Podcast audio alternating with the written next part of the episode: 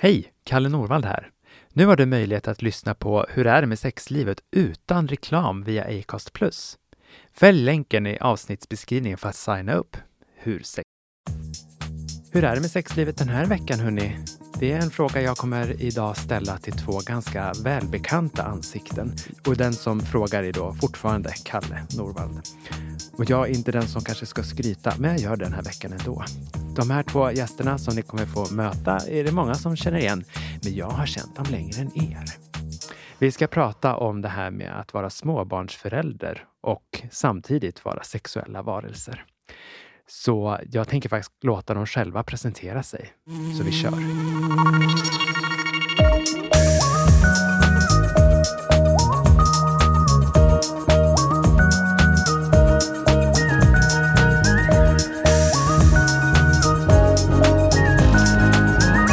Hur är det med sexlivet med Kalle Norvald?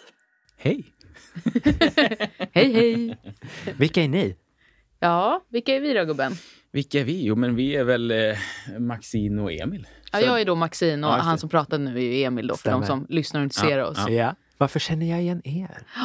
Du har gjort oss, Kalle. Ja, Ja. jag har gjort det. Det, det är ju det, vi sitter ju här med vår skapare i ett litet rum med läderbord Ja. på Acasts kontor. Ja, Gud fader själv. nästan med adresserade väggar. Ja, ja, ja, det, är, det är lite snuskig stämning här inne Eller hur? helt klart. Men Ja, det det- är vi ju vana vid, vi som gjorde ett litet labb. Kalle har ju då parat ihop oss 2019 i programmet Gift vid första Gud, ögonkastet. det här är så länge sedan. Ja, det är. Ja, det är sjukt länge sedan. Eh, men vi är ju egna personer också, så Emil, du kan ju berätta vem du är. Ja, men jag, jag minns inte riktigt vad jag gjorde innan 2019 om jag ska vara helt ärlig. Men, men eh, ja, jag, jag jobbar med dataspel och eh, är pappa till en liten dotter numera och eh, man till en underbar fru. Mm. Åh, Ja. kan du berätta din ålder kanske också? Min ålder? Ja, Är det är väl relevant? viktigt när man pratar relationer, eller? Okej, men jag fyller 37 idag om du vill få fram det. Jag är lite äldre än vad du är. Fyller du det idag? Nej, men jag fyller det om några, månader. Grattis i förskott. Ja, tack så mycket. Det börjar bli en liten grej. Jag vet inte riktigt vad det här är. Nej, men är jag tänker så här, om folk ska Men jag tror att lyssna på Maxine oss mest så... vill ju också symbolisera att hon inte är lika gammal som du. Ja, jag tror att det är det som är Framförallt så vill jag vara den här unga frun här inne i det här mysiga rummet. Om jag lyssnar på ett program så ibland så vill jag veta hur gamla folk är bara för att var är de i livet och var är jag i livet? Att man Mm. kan förhålla sig till det på ett annat sätt. Hur gammal är du då? Jag eh, är ju så ung så Ja, att på så tisdag så fyller jag 33. Grattis i förskott.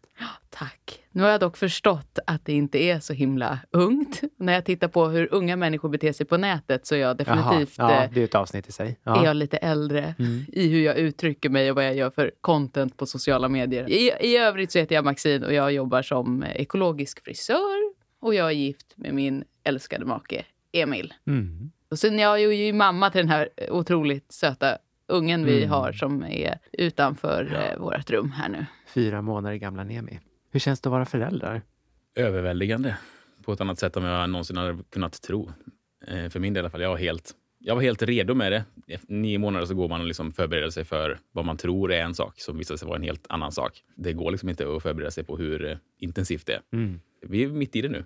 I det härliga intensiva. Mm. Men det är också roligt för att du och jag hade ändå ganska olika föreställningar av hur det skulle vara i början. Du trodde nog att det skulle vara enklare och jag trodde att det skulle vara svårare. Det är kanske beroende på vår uppväxt och vad våra föräldrar har berättat för oss om hur det har varit att ha barn. Eller har jag Mm. rätt eller fel? Ja, eller? men jag har liksom fått känslan av att det är liksom inte så. Inga, inga konstigheter. Liksom. Mm. Mm. Medan du har alltid hört vad jobbigt det var. Jag har bara fått höra så här, ja du hade kolik och det var så jobbigt och, och, och du bara skrek. Mm. Och så här, ja, men vi älskade dig ändå, men det var jobbigt. Ja.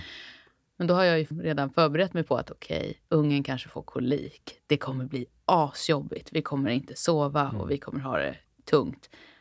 Och det blev ju så. Jag tänkte precis säga det. Ni båda har varit väldigt transparenta med att Nemi hade skrikproblem i början. Mm. Eller skrikproblem, det Jo, var ju det ett tecken på något. Men ni fick ganska bra hjälp till slut, va? Eh, vi krigade lite grann med att få kollat om, det, om hon var mjölkallergiker eller känslig för mjölk. Då. Ja. Och till slut fick vi bytt och så vi har en annan sorts eh, ersättning nu, för vi ammar ju inte. Nej. Mm. eh, Då, utan vi har en ers- ersättning som är mjölkfri. Mm. Och det hände skillnad ganska snabbt där, att det Mm. bara blev bättre. Och hon började le och hon började lyfta på huvudet. Och allting bara hände på typ en, någon, någon dag där efter att vi bytte. Liksom.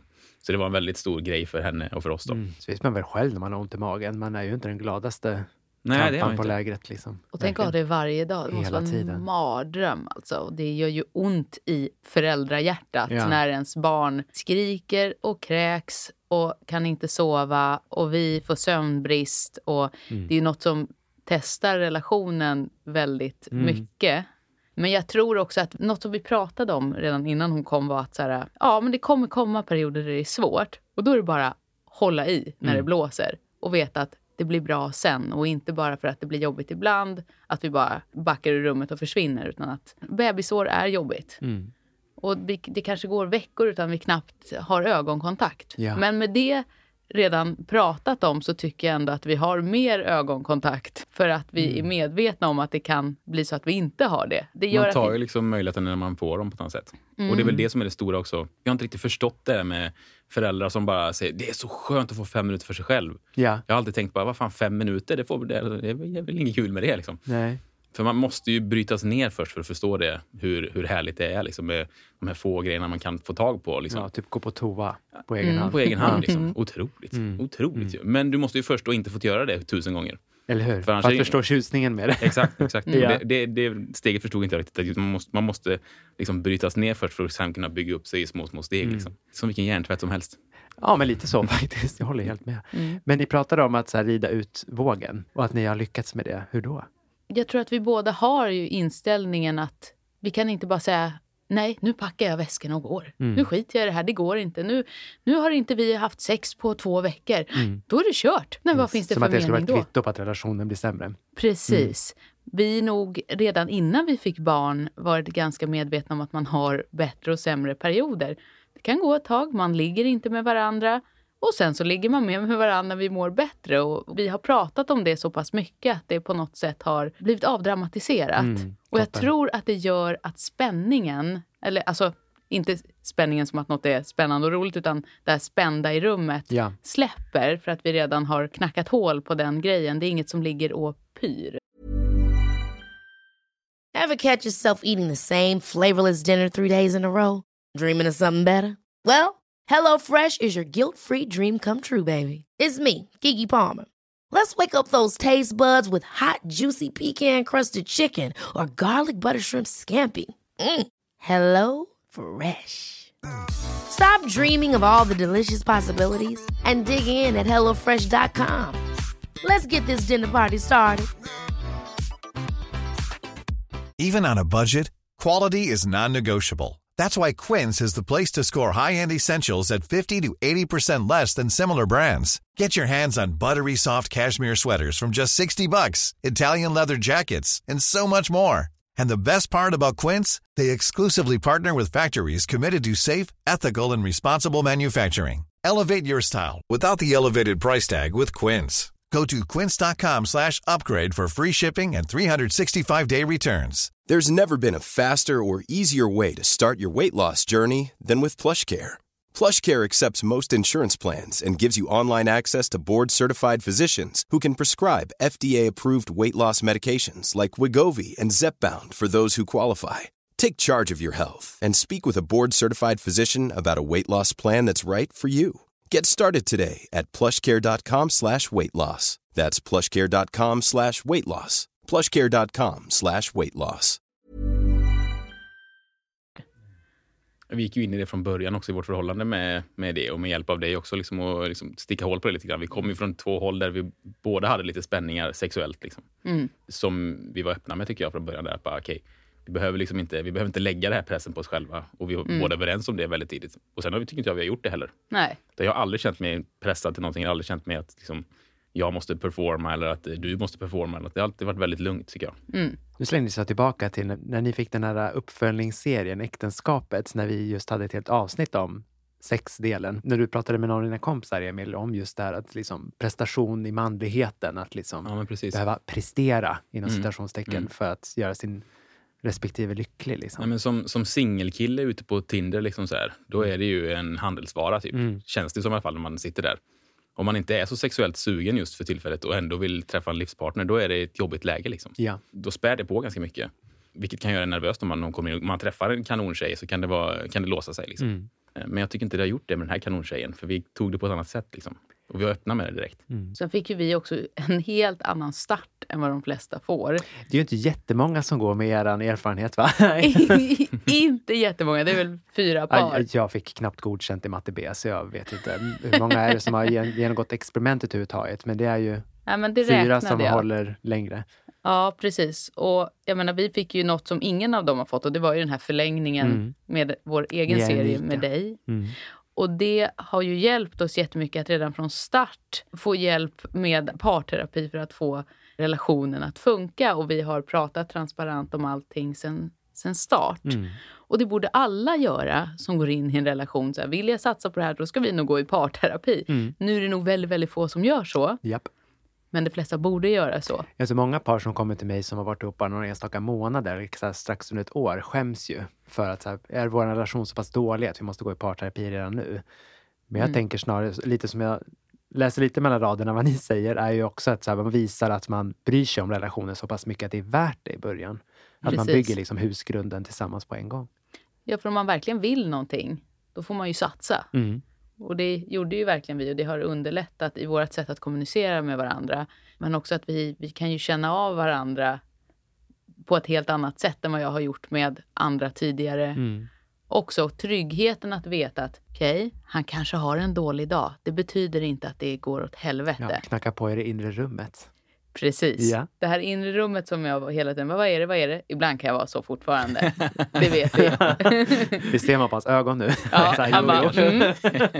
Men nu vet jag att det rummet, även om det är lite stökigt inne i Emil, så betyder det inte att någonting håller på och totalt går åt helvete, utan Mm. det är bara han dealar med någonting nu och det är lite svårt att vara väldigt trevlig och glad och Mm. åh, allt är så härligt när livet är lite utmanande just nu. Jag tycker du är jättefin på att ge mig space då istället nu. Att du bara, då backar du bara lite grann. Så chilla lite så kommer jag krypande om en liten stund. Mm. Krypande, det lät ju fel. Men jag, jag, jag kommer Ja, tassande. kanske gör ibland. Precis. Ja, visst. Nej, men det, det är ju utmanande att ha blivit förälder och man Ja. vet ju många som går isär ganska fort efter ett, bara några år efter man skaffar barn. Ja, det finns någon statistik på det där. Att det är under småbarnsåren väldigt många går Ja, det är så, just. Ja, men för att det är påfrestande. Och just eh, bland annat kopplat till den sexuella aktiviteten som lyser med sin frånvaro eller det blir det inte som förut eller man känner sig inte hemma i sin kropp och man liksom skäms att visa upp den för sin partner. Att det liksom skaver redan där. Precis. En av anledningarna varför vi liksom matchade ihop er var ju lite ert sätt att hantera livet på. Att inte ta allt i 100% allvar. Ja, men som ni smsade till mig för några veckor sedan. Så här, ja, fan, vi har ju knappt legat nu på ett tag. Hur gör man som småbarnsförälder? Och att ni inte tar det som ett stort alarm på att nu måste vi separera. Det är ju bara, hur ska vi orka nu när ungen har skrikit i flera dygn? Ja, ska jag ligga nu också? Jaha, ja, jag När man bara vill barn. ligga ner. Ja, men precis. Ja. Jag vill bara vara i fred och inte känna någon mot mig eller höra ett endaste ljud. När det Jag kan vara tyst i och för sig. Det är också otäckt om du Ja, bara är det är sant. totalt knäpptyst. Ja, ja, ja. Hallå? Är, du, är du med eller ligger du och tänker på något annat? Går in i inre rummet. och bara låser dörren och bara Men lämnar det blir väl lätt så att, där, att om, man, om man lägger upp den där pressen sen tidigare, att det ska finnas ett visst schema. Liksom. Jag, jag känner många som har schema. Mm. Liksom, att det ska, kvittot för en bra relation är att man ligger så här, si och så mycket x Ja. gånger tre. Eller, sådär. Men om man har det med sig in i alla livets faser, liksom, då får man ju problem, tänker jag. Ja, när man gör det för rationellt. Alltså men bara exakt, schemalägga allt. och- Excel-ark. Liksom. Ja, jag har för sig en kompis som kör Excel-ark med sin Ja. partner. De, Ja, ja. jo, de kör Excel-ark på allt de gör. Så de så här, skriver i det här arket vad de har gjort för typ av praktik, hur många orgasmer de har fått, i vilket rum de har varit och de går helt igång på det här. De gillar det. Ja, och de har varit uppe i många år nu och de fortsätter. Så Är de det har liksom, sant? det här skulle vara så rolig grej att forska på, men de har liksom alla deras ligg har de analyserat. Är det sant? Och de mår bra av det här? Mm. Toppen! Ja, det är ju härligt att man är olika. Ja, det är väl, ja, men, ja, men fin grej. Jag höll på att säga något mer oförskämt. Typ, gud, jag skulle aldrig kunna tänka mig det. Nej, jag men det skulle aldrig att- i livet göra det här, men Det känns ju lite som en fetisch. Ja. Det har nog blivit det och nu har det kanske bara blivit en vana. Att de tycker att det är kul. Mm, mm. fatta, har de barn? Ja. Tänk om ungen skulle hitta den här lilla boken. Det är lösenordsskyddat. Det var också en av mina rekommendationer nu när deras barn blev lite större. Att skydda det här nu så att inte ungen hittar det. Alltså förstå traumat som barn att hitta sina föräldrars sexdagbok. Ja. Oh, mardröm! Vi ska inte lämna några digitala sexspår efter oss som hon kan hitta. Jag får hem och radera då. Ja, Ja, du sitter hemma och skriver. det är lite lite. jag vet folk som kan känna press att ha sex med sin partner för att de känner att de måste. Mm. Och jag tror att vi har nog mer sex, nu vet inte jag hur andra gör, men kanske mer sex än många efter, strax efter en förlossning ändå. För att vi inte känner att vi måste, Mm. utan för att vi har lust och för Ja. att vi vill. Så att vi har ändå legat i ganska hyfsat på senaste, eller vad man ska säga. Vi ligger bra till. För att det inte finns en press på det alls. Man blir ju sällan kåt av press. Man blir ju enormt okåt Mm. av press och stress kring det. Men om man har helt bara klippt bort det, då får man ju lust att göra det. Jag känner samma, helt klart. För er, hur har det liksom varit? Har det blivit någon större skillnad före och efter att Nemi kom kopplat till ert sexliv? Ja, det var ju mindre under graviditeten Ja. än nu, tycker jag. Eller så har jag glömt bort. Det var ju knappt så du behövde mig ens under graviditeten. Alls. Du, du mådde ju så satans bra. Din, Ja. din hormoncocktail var ju perfekt. Liksom. Ja, Så ditt liv var ju komplett. Jag hade ju knappt behövt finnas med. ja var, jag mådde ju kanon verkligen. Hormonerna bara liksom fyllde Mm. upp mig med sånt otroligt välmående så jag behövde ingenting. ja. Det var bara så här, jag mår toppen, jag är glad som det och sen så är man så här, jag är tung och tjock. Det är Ja. inte... Fast du hade det ju ganska jobbigt i slutet va? I slutet var det rätt tungt. Hon ville ju verkligen ut. Ja, ungen ville ju ut redan i september. Ja, och född i... Hon föddes 4 december. Ja. Och vi vet ju nog varför hon ville ut där redan. Det var ju för att vi hade vår bröllopsdag den 22. Ah, och ja. då tänkte vi att nu slår vi på stort här och ligger lite. Mm. Vad hände då? Kom ryggverk redan dagen efter. Ja. Då kickade det nog igång någonting. Sen Mm. var det kört. Så det är en liten varning. Ligg inte på bröllopsdagen. Ligg inte på bröllopsdagen om det är väldigt nära. Mm, eller väldigt nära, några månader innan. Mm. Så att sen var det ju kört. Då ville hon ju ut två gånger Ja. innan. Fick vi åka in och stoppa upp det hela. Mm. Det finns tydligen något eh, sorts medel i sperma va? som är någon sorts... Eh, Ja, det där är väl debatterat nej. Precis. Jo. heter det så? Ja, Mm. men det är också att det behövs ganska många utlösningar för att det ska ha den effekten. Förstår. Ja, i och för sig, det beror på hur många gånger du kom men, och vilket sätt ni hade sex på. Men att det behövs ganska många och ganska regelbundet. I Ja. see. Då kan vi inte skylla på det tror jag inte. Nej, Nej. men det var ändå lite lustigt att det var Mm. precis efter det som det började komma lite ont i Ja. ryggen och bara aj, aj, det är någonting här. Hon har legat fixerad sedan dess i princip. Så hon har ju, örat är snett på henne för att hon har legat i. Ja, Ja, hon kom ut med väldigt så platt näsa och Ja, så var, var hon Ja. lite sned i nacken för att hon hade legat med huvudet fastkilat och kroppen åt sidan. Så hon har ju så här, så vi måste gå hos eh, sjukgymnast Ja. för att böja upp huvudet igen Toppen. för att hon låg nerkilad lite mycket. Alltså, tänk vilken fin sjukvård vi ändå har. Det är toppen. Ja, det är otroligt. Ja, det är faktiskt helt Otroligt. fantastiskt. Sen hade jag tur, ska bara sägas, under förlossningen. Apropå sexliv. Om man går sönder och samman, Mm. då är det nog inte så roligt på ganska länge. Du pratar om förlossningsskador. Förlossningsskador, precis. Och jag hade jättetur. Mm. Alltså den lightaste grad 1.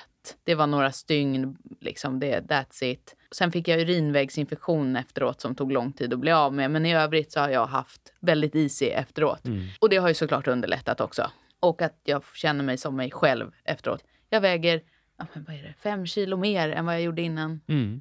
Det är ingen enorm skillnad, så jag känner mig fortfarande som mig själv. Och det är klart att det säkert underlättar.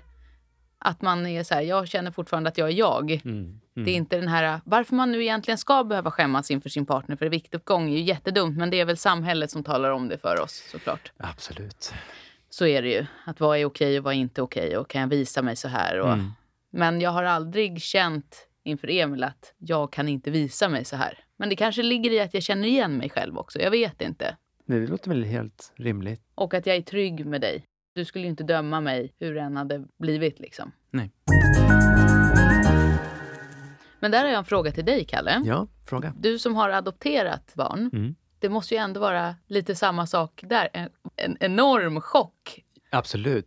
att, Alltså, jag- som påverkar relationen ganska mycket. Ja, men det är ju som Emil inledde med, att bli förälder är ju överväldigande på många sätt. Och nu Mm. har ju inte jag eller min partner liksom burit vårt barn i kroppen, men det är ju en, det är en annan grej när man får barn som redan har några år bakom sig och med olika historiker som förstås påverkar. Och det ställer ju också till det för oss såklart.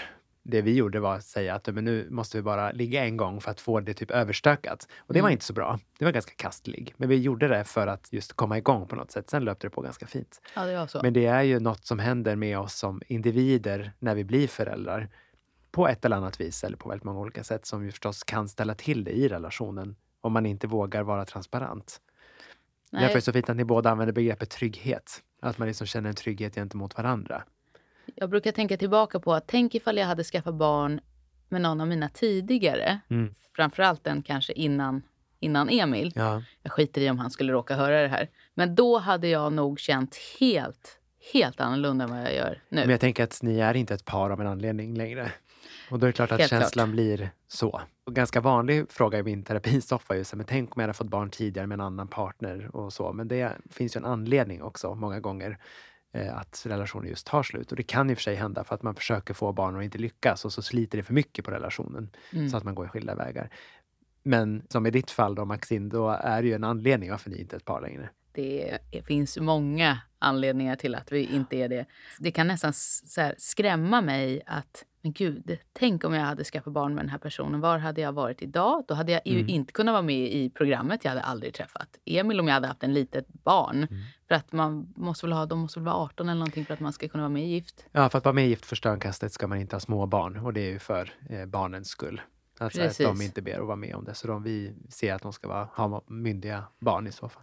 Då hade jag aldrig träffat Emil. Då hade jag bara suttit i någon jättejobbig vårdnadstvist eller något. Åh, gud. Förlåt, bara om jag känner dig rätt så hade du mörkat att du hade ett barn. Hade gett bort Nej, det. Processen. inte mörkat. jo, det hade jag Det gjort. Det va? granskar vi kan jag lova. Det lär ju gå att hitta, va? Eller? Ja, hur lätt som helst. Det är bara Ja, att det kolla folkbokföringen så ser man. Ah, Gör ni det? Inte jag, men andra Det i är processen. så? Jajamän. Så de kollar så här, har de ljugit om att de har en unge som Ja. är... Händer det att folk har ljugit om Inte det? mig veteligen. Jag känner inte till många som ljuger om att de skulle ha barn eller inte. Nej. Utan då kan det vara att man ja, men har, har ett barn men kanske inte har någon kontakt med dem. Men det är ju en indikation i alla fall på i castingprocessen för just första ögonkastet. Om man inte har kontakt med sina barn så är det ett tecken på någonting Spring. som jag tas, tas med i beräkningen. Ja. Det- som absolut tas med i beräkning. Ja, det, men det, jag vet inte hur vanligt det är att folk inte har kontakt med sina barn. Det är nog tyvärr sorgligt vanligt Är i vissa så? fall. Alltså, nog mer, alltså det är ju 100 procent mer än vad vi önskar förstås. Men hur kommer det sig? Oj, det är ett helt till avsnitt, men jag tänker att det kanske är nästa säsong. Men Ja. det är många olika anledningar och, för, och min erfarenhet i alla fall från min tid på socialtjänst, då handlar det mer om att föräldrarna är så pass osams eh, att barnen får ta stryk från det. Ja, Det får inte hända oss. Ja, då får ni komma till mig. Ja, det, det måste vi. Alltså för det här, så får det inte bli. Lilla vännen. Åh. Det gör ont i mig att tänka också, tänk om hon inte skulle vilja ha kontakt med oss. Att hon tycker att vi är dumma i huvudet, även om vi tycker att vi är kanonföräldrar hemma, så kanske hon bara, Mm. nej jag vill inte ha mer att göra. Men om ni då väljer att uppfostra Nemi på det sättet som ni är mot varandra så kommer det gå bra. Att ni vågar Ja. tycka olika och att ni diskuterar det. Det är ju det som är och Men tryggheten. bör- börjar man tänka så så blir man ju mörkrädd. Liksom, för då, Mm. då öppnar hela universum upp sig för en. Liksom, och då, Mm. då finns alla möjligheter att fucka upp sitt barn här liksom, på alla sätt. Om man tänker liksom, long term, hela, hela, hela uppväxten och hela uppfostran. Då kan jag Mm. bli riktigt skakig när jag tänker att jag ska liksom, få den här personen att bli vettig på något vis och få den här personen att må bra, känna trygghet i oss och i sig själv. Vilket jävla jobb vi har dragit på oss då, känner Mm. jag. Så jag måste, jag måste försöka ta det i små steg. Liksom. Men då ska jag ge dig nyckeln här, Mm. Emil. Eh, Det finns ju många som tänker föräldraskap eh, som att man ska göra punkt och pricka perfekt hela tiden. Då finns det forskning som visar att det är faktiskt jättedåligt. Mhm. Att barn mår bra av att se sina föräldrar göra dumheter, göra snedsteg och skrika på varandra med att se förlåtet, det är det som är det viktiga. Eh, Men att vara good enough, att liksom vara bra nog, det är det viktiga. För att då ser barnet och lär sig att om de gör misstag så vet de att de kan komma till oss och säga Ah, ja, ja. att nu har jag Mm. gjort det här och jag rökte på och nu hände det här. Det blev jättedåligt. Sen kanske de inte gör det med glädjeskutt mot er, men de känner många gånger i alla fall att de kan. Mm. När vi Mm. själva visar upp våra misstag. Ja, det är fint. Det här har vi pratat ganska mycket om också, för vi har vuxit upp väldigt olika med hur våra föräldrar har betett sig mot varann hemma. Ja. Eh, Du kan ju berätta hur din familj har varit, vad ni har liksom... Ja, men vi har ju inte gått öppet i konflikt med varandra egentligen eh, Nej. alls, utan det har varit ganska tystat ner mycket under mattan. Liksom, och, och. Det funkar ju bra, gör det ju, men det, det blir inte alltid expressivt. Liksom. Det är inte alltid vi löser allting, utan det samlas kanske på lite grann stundtals. Medan du har varit lite annorlunda. Ja, mina föräldrar har inte varit så konflikträdda. Nej. Utan när de har tyckt någonting så har det Kommit hörts. fram. Det har kommit fram hemma ganska tydligt. Och eh, det kanske har varit mycket åt båda håll för oss. Men det kan nog vara hälsosamt att mötas lite i det att det, det är inte farligt om Nemi skulle se oss tycka lite olika ibland. Tvärtom. Precis. Eh, Det har jag pratat med er om ju 38 000 gånger. Mm. Det här med att konflikter per se inte är något dåligt, utan det är hur man löser dem som är det viktiga. Precis. Och när det kommer till barn så är det ju viktigt att de ser själva förlåtet. Eh, inte ifall förlåtet är ett eh, sexaktivitet. Då ska barnet inte se. Det får ni spara för er själva. Men att man ser att liksom, en kram, eller säger så här, förlåt vad dum jag är. Precis. Också kunna säga förlåt om man har varit dum mot henne. Alltså det, är så, Ja, jättebra tillägg. Precis. det är så mycket jag... Apropå hur relationer förändras. Nu Ja. har jag ju börjat se Emil på ett helt annat sätt. Jag ser ju honom som en person som måste ta ansvar för sina handlingar inför vårat Mm. barn också på ett helt annat sätt. Och jag tänker över mig själv också på ett annat sätt. Vi har ju fått helt andra relationsroller än innan. För innan var det bara, ja, jag ska vara snäll mot dig. Ja, och nu Men har ni en tredje klutt att ta hänsyn till. Mm. Ja, och det har verkligen... Helt ny gruppdynamik. Liksom. Ja. Ja, den är helt annorlunda och det är mycket tankar med hur ska vi göra det här på ett bra sätt och behålla att det är bra mellan oss utan att vi ska spela teater hemma för vårt barn. Det ska ju vara transparent och samtidigt en hälsosam miljö. Det är inte så lätt. Nej. Men att vi tränar redan nu på det, även fast hon är liten och man vet Mm. inte hur mycket hon tar in. Liksom. Men man övar redan nu på att vara kanske mot varandra på ett visst sätt. Mm. Och ibland så brister det, men eh, vi är inte så hysteriska hemma. Vi är ju inga storbråkare direkt. Och det tycker ju han Mm. Säger då. och ja, men det beror ju på vad man är van vid, tänker Ja, men precis. precis. Och, Det, och det är vi ju inte. Vi är inga storbråkare, men eh, jag har ju aldrig haft så mycket konflikter som jag har med dig. nej. men det är ju det är på, är ju positivt. Alltså. För, för som du säger, jag tror på det nu också. Jag tror på det stenhårt. Du sa det till mig i början, att Ja. det här blir din stora liksom, prövning någonstans. Och jag bara gick all in på den jäveln och började bråka direkt. Mm. Så nu, nu, nu tar jag upp det Ja, om det är någonting men du som har inte lämnat lägenheten igen? Eh. Jo, bråk. jo, Ja, jo, jo, hänt. jo. Jag Du kommer tillbaka. lovade Kan- mig. Kanske har hänt. Det, det händer faktiskt. När vi blir väldigt sura på varandra, Mm. då går han Ja, ut men säger du till då att du kommer tillbaka? Nej, han går bara. Men det förstår man vid det här laget, va? Det ska man bara man det? förstå. Det är fortfarande lite den. Och det vet jag ju att han gör. Ja, Men, men, det är jävligt provocerande. Men det har vi pratat om och jag gör saker som provocerar dig. såklart, för så ni är två olika personer. Ja, men det just det där är, jag är ju den som kan så här, bli, bli lite arg. Förr var jag, blev jag arg och slängde på luren. Sen när jag slutade med det, nu har du tagit upp det lite istället. Men eh, jag gör annat som du stör dig ihjäl på istället. Vill ni att vi tar en liten paus att ni går och tittar hur det går? Ja, vi kollar lite på barnet Ja. här. För jag kan tror... Nicke klämma in en fin jingel här? Men hörni, det är ju också så här det blir att vara småbarnsförälder. Då får man pausa lite ibland när barnen får utbrott. Mm, precis, nu står Eller jag och håller den när här. man reagerar. Det är ett utbrott. Det är helt okej att säga Ja, utbrott. Det är precis. Men det här är ju också ett talande exempel hur det kan bli när det ibland kanske störs i småbarnslivet ifall man skulle ha en mysig stund tillsammans och avbryts av ett Det blir ingenting när hon är vaken. Hon måste sova djupt och jag ska inte höra henne överhuvudtaget. Inte en susning. Att Vad hon... händer annars? Nej, men det låser sig i mig. Ja. Mamman bara så här, nej, Mm. det här är fel. Mm. Vårt barn ska inte ha med det här att göra på något sätt. Jag skulle inte kunna säga, nu sitter hon och leker någonstans, vi passar på här. Hon ska inte vara med. Och skulle hon börja skrika, nej, det är bara abort direkt. Ja. Absolut inte. Då är det bara avsluta. Det spelar ingen roll var någonstans i akten man befinner sig. Jag vet inte hur Emil känner. Det låter rimligt tycker jag. Ja, i huvudet. Sen kan ju känslan vara något annat. Ja, men såklart. För er båda alltså. Det behöver ju inte bara vara att man kan ju faktiskt bli besviken när Mm. det inte går som man önskar. Ja, men absolut. Ja, det är ju prioriteringarna som någonstans blir någonting annat när de här små liven precis. kommer in i våra liv, tänker jag. Ja, vi fick ju pausa lite nu i podden här för att hon är inne i ett språng nu Ja. där hon är lite mer än vanligt. Mm. Och eh, det gör ju också att sexlivet hamnar ju lite på paus för att om man är iväg och gör någonting under dagen som nu så vet vi att det skiter sig. Hon blir tokig. Och sen så kommer kvällen och då ska hon börja processa det här. Och då skriks det och vägras att sova. Och det är inte som att man bara, åh, men vad härligt, nu vill vi ligga. När öronen bara blöder och Men man kan, är ni, helt slut. kan ni då, för jag menar det där är ju någonting som jag vågar nog säga faktiskt 100% av småbarnsföräldrarna upplever. Just att så här, men ska, nu ska man orka ligga också. Men det finns ju andra former av intimitet. Hur är ni liksom i de avseendena?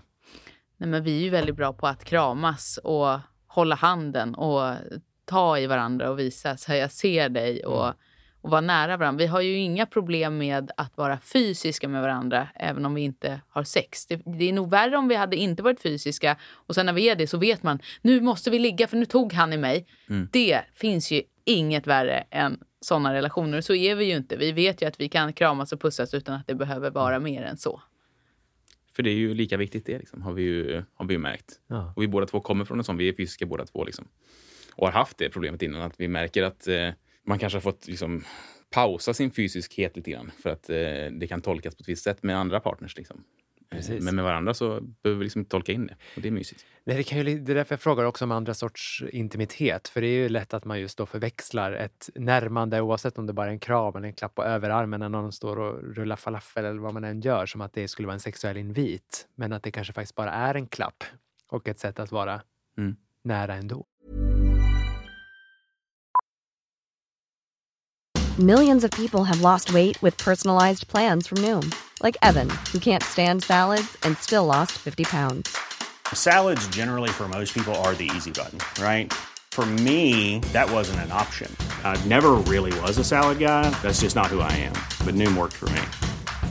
Get your personalized plan today at Noom.com. Real Noom user compensated to provide their story.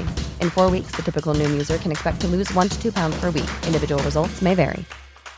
Quality sleep is essential. That's why the Sleep Number Smart Bed is designed for your ever evolving sleep needs. Need a bed that's firmer or softer on either side? Helps you sleep at a comfortable temperature? Sleep Number Smart Beds let you individualize your comfort so you sleep better together. JD Power ranks Sleep Number number 1 in customer satisfaction with mattresses purchased in-store. And now, save 50% on the Sleep Number limited edition Smart Bed for a limited time. For JD Power 2023 award information, visit jdpower.com/awards. Only at a Sleep Number store or sleepnumber.com.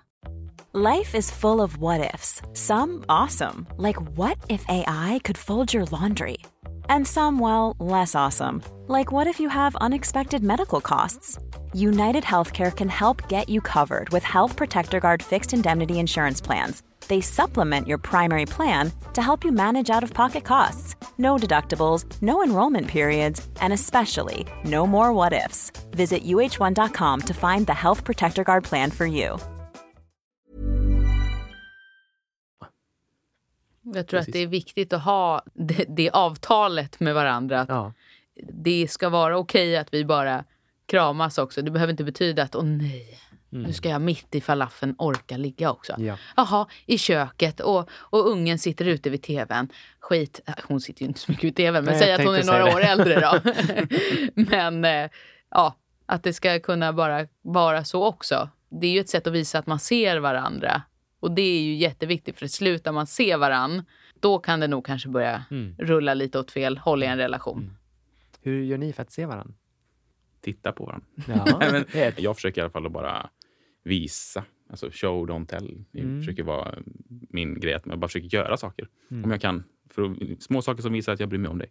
Mm. Nu kommer jag inte på en enda sak här när jag skulle säga det. Varför, men... det var hemskt. Jo, men det gör du verkligen.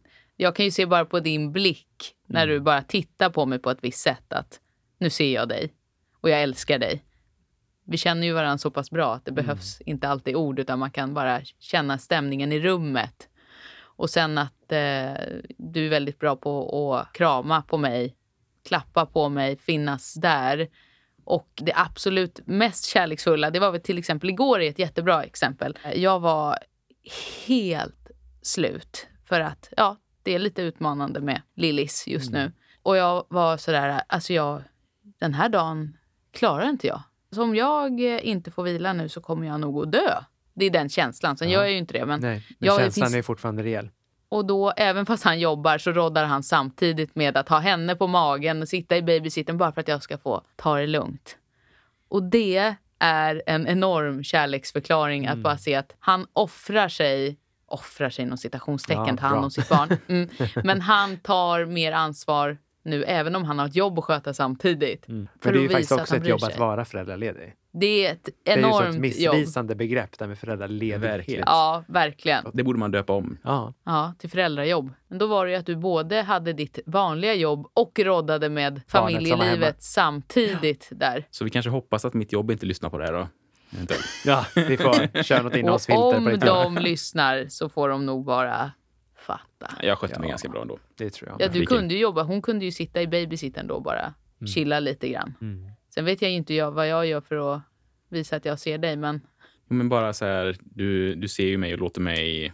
Jag har ju ett lite introvert beteende ibland, så jag vill bara liksom vara för mig själv lite grann.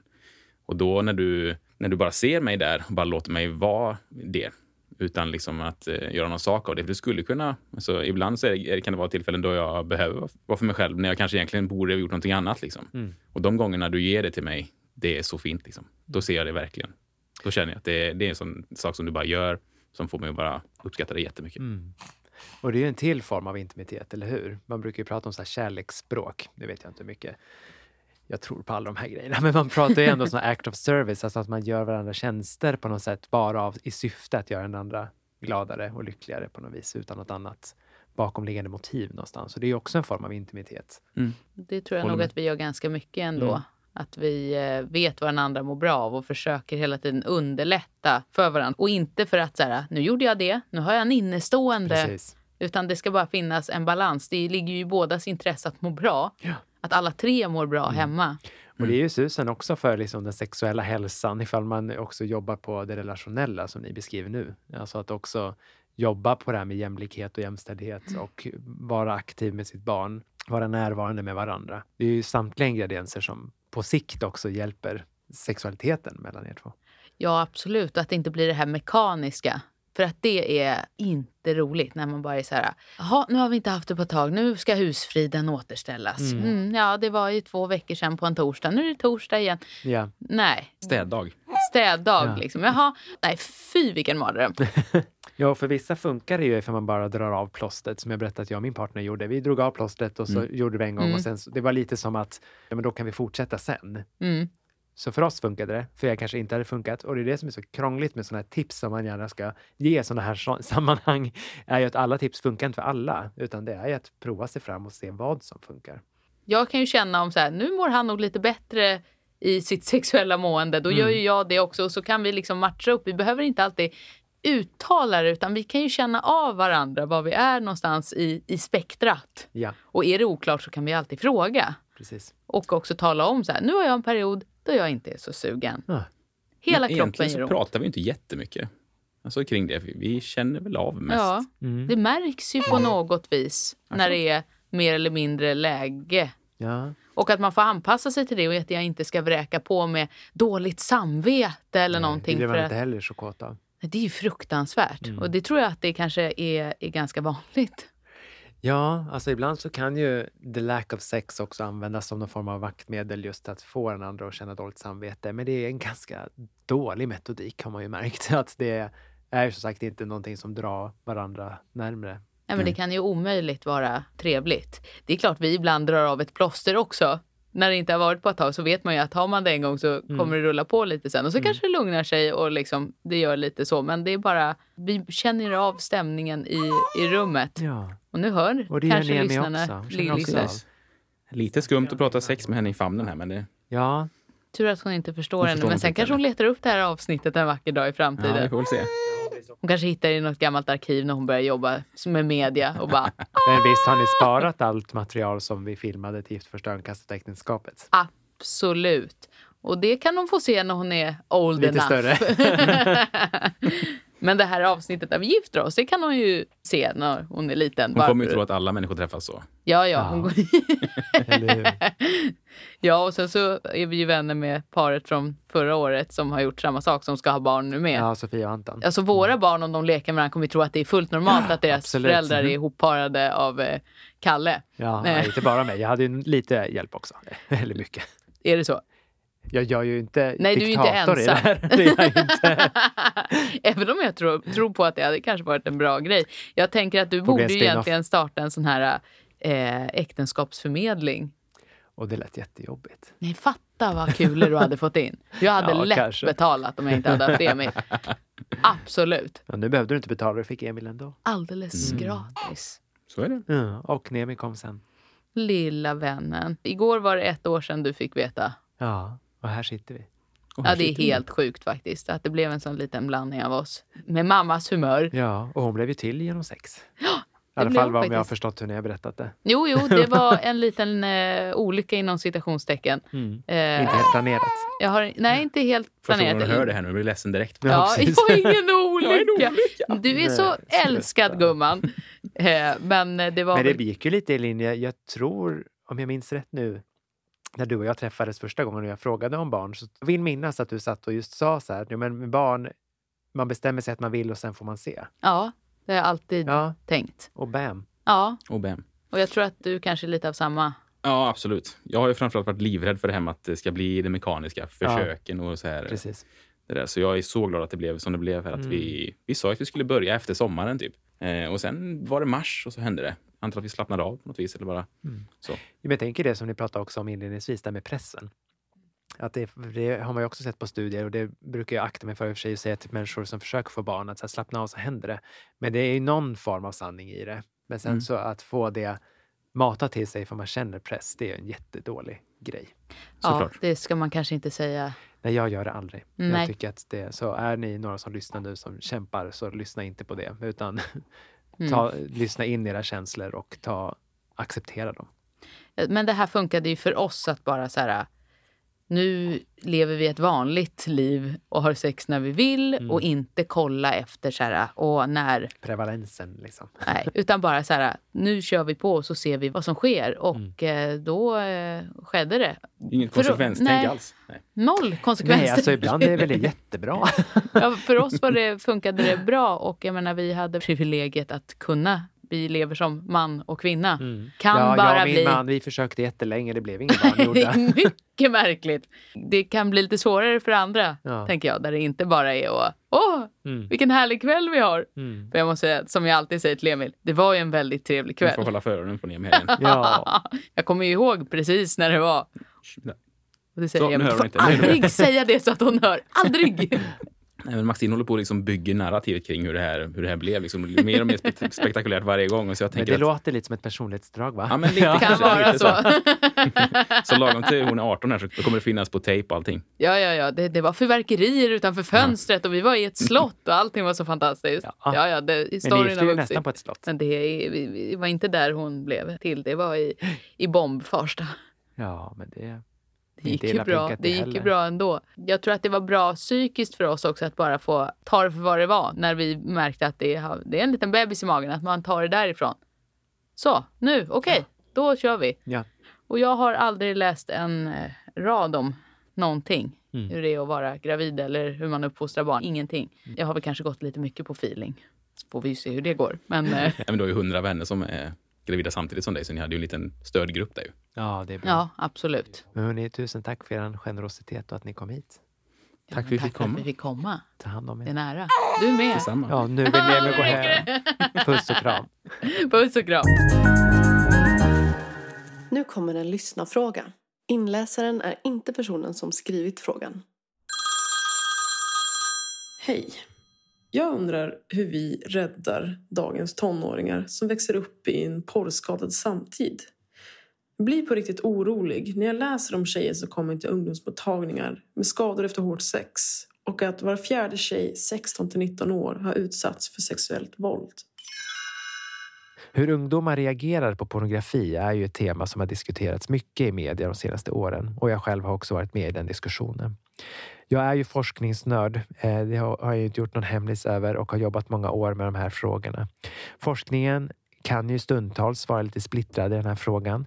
Men jag vill rekommendera er alla att googla eller annan sökmotor Barnombudsmannen pornografi. Då kommer ni få upp en jättefin sammanställning av mycket forskning på hur ungdomar förhåller sig till pornografi. Och den visar ungefär just att jo, det är många ungdomar som tittar på pornografi oavsett kön. Det är flera killar än tjejer som tittar och det är också mer killar än tjejer som tycker att det här kan vara lärorikt. Men ett viktigt fynd i den här rapporten och sammanställningen av forskning är att absoluta majoriteten av de som tittar förstår att pornografin inte är copy-paste ifrån verkligheten. Att sex som man själv sen ska ha kanske inte speglar det som man ser på dataskärmen utan att pornografi är någonting som är konstruerat. Med det sagt betyder det inte att vi ska lämna ungdomarna ensamma i den här äh, visuella världen. Det visar också den här forskningen nämligen att de saknar viktiga vuxna att prata om de här temana. Att prata om vad de har sett på klippen och prata om hur de själva reagerar. Det är därför sexualundervisningen har blivit ack så viktig komponent i det här och i de nya läroplanerna så kommer faktiskt pornografi få en tydligare bild. Och det visar också respekt för ungdomarna tycker jag, att man inkluderar mer och mer utrymme för diskussion. För det är faktiskt precis det de vill. Sen delar jag också din oro kring de här unga kvinnorna som kommer in till ungdomsmottagningar och andra mottagningar som utsatts för sexuellt våld. Det här är ytterligare en dimension som vi också behöver prata om, som även den kommer att ha en större och viktigare del i de nya läroplanerna i skolorna om sexualundervisning. Det nya temat kommer att heta sexualitet, samtycke och relationer, vilket ju speglar bredden på det viktiga temat som vi vill att ungdomarna ska skolas in i. Att sätta ord på känslor, sätta ord på vad man önskar och sätta ord på det man inte önskar är ju viktiga delar i den här typen av utveckling. Jag är faktiskt optimistisk när det kommer till den nya formationen av undervisningen i sexualitet, samtycke och relationer och tror att våra barn som vi har idag kommer få en mer gedigen och kunskapsbaserad sexualundervisning. Så jag hoppas jag kan sprida ut min optimism till det här. Vi tar det tillsammans och vi skapar den värld vi önskar. Tusen tack för din fråga. Ta hand om dig och vi hörs. Ja, men som alltid så finns det alltid mycket att prata om med de här två krabaterna. De är ju fina på så otroligt många sätt. Att vara småbarnsförälder och ha barn, vad allt det innebär, kan ju förstås påverka den sexuella delen av våra liv och vår vardag. Men det som jag tar med mig från samtalet med Emil och Maxine, det är också faktiskt det som speglar forskningen. Att ha det bra nog är bra. Men också att våga erbjuda varandra transparens, att prata om hur läget är när det inte är som man önskar, men också när det är som man önskar. Att faktiskt kanske checka av med varandra. Hur mår du idag? Hur kan jag hjälpa dig för att må bättre? Eller, jag behöver faktiskt bara vara lite i fred. Det är liksom det som kanske är summan av kardemumman, egentligen kring många teman.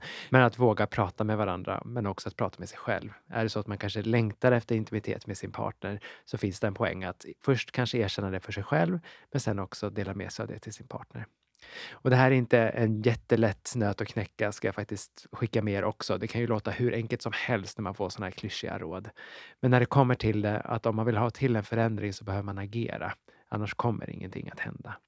Ta hand om er allihopa. Vi ses och hörs förhoppningsvis nästa vecka igen då vi ska ställa frågan hur det är med sexlivet ur ett litet annat perspektiv.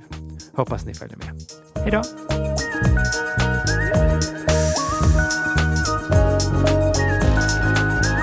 Podden produceras av Kalle Norvald och Nicky Yrla. Musik och ljudmix av mig, Nicky Yrla.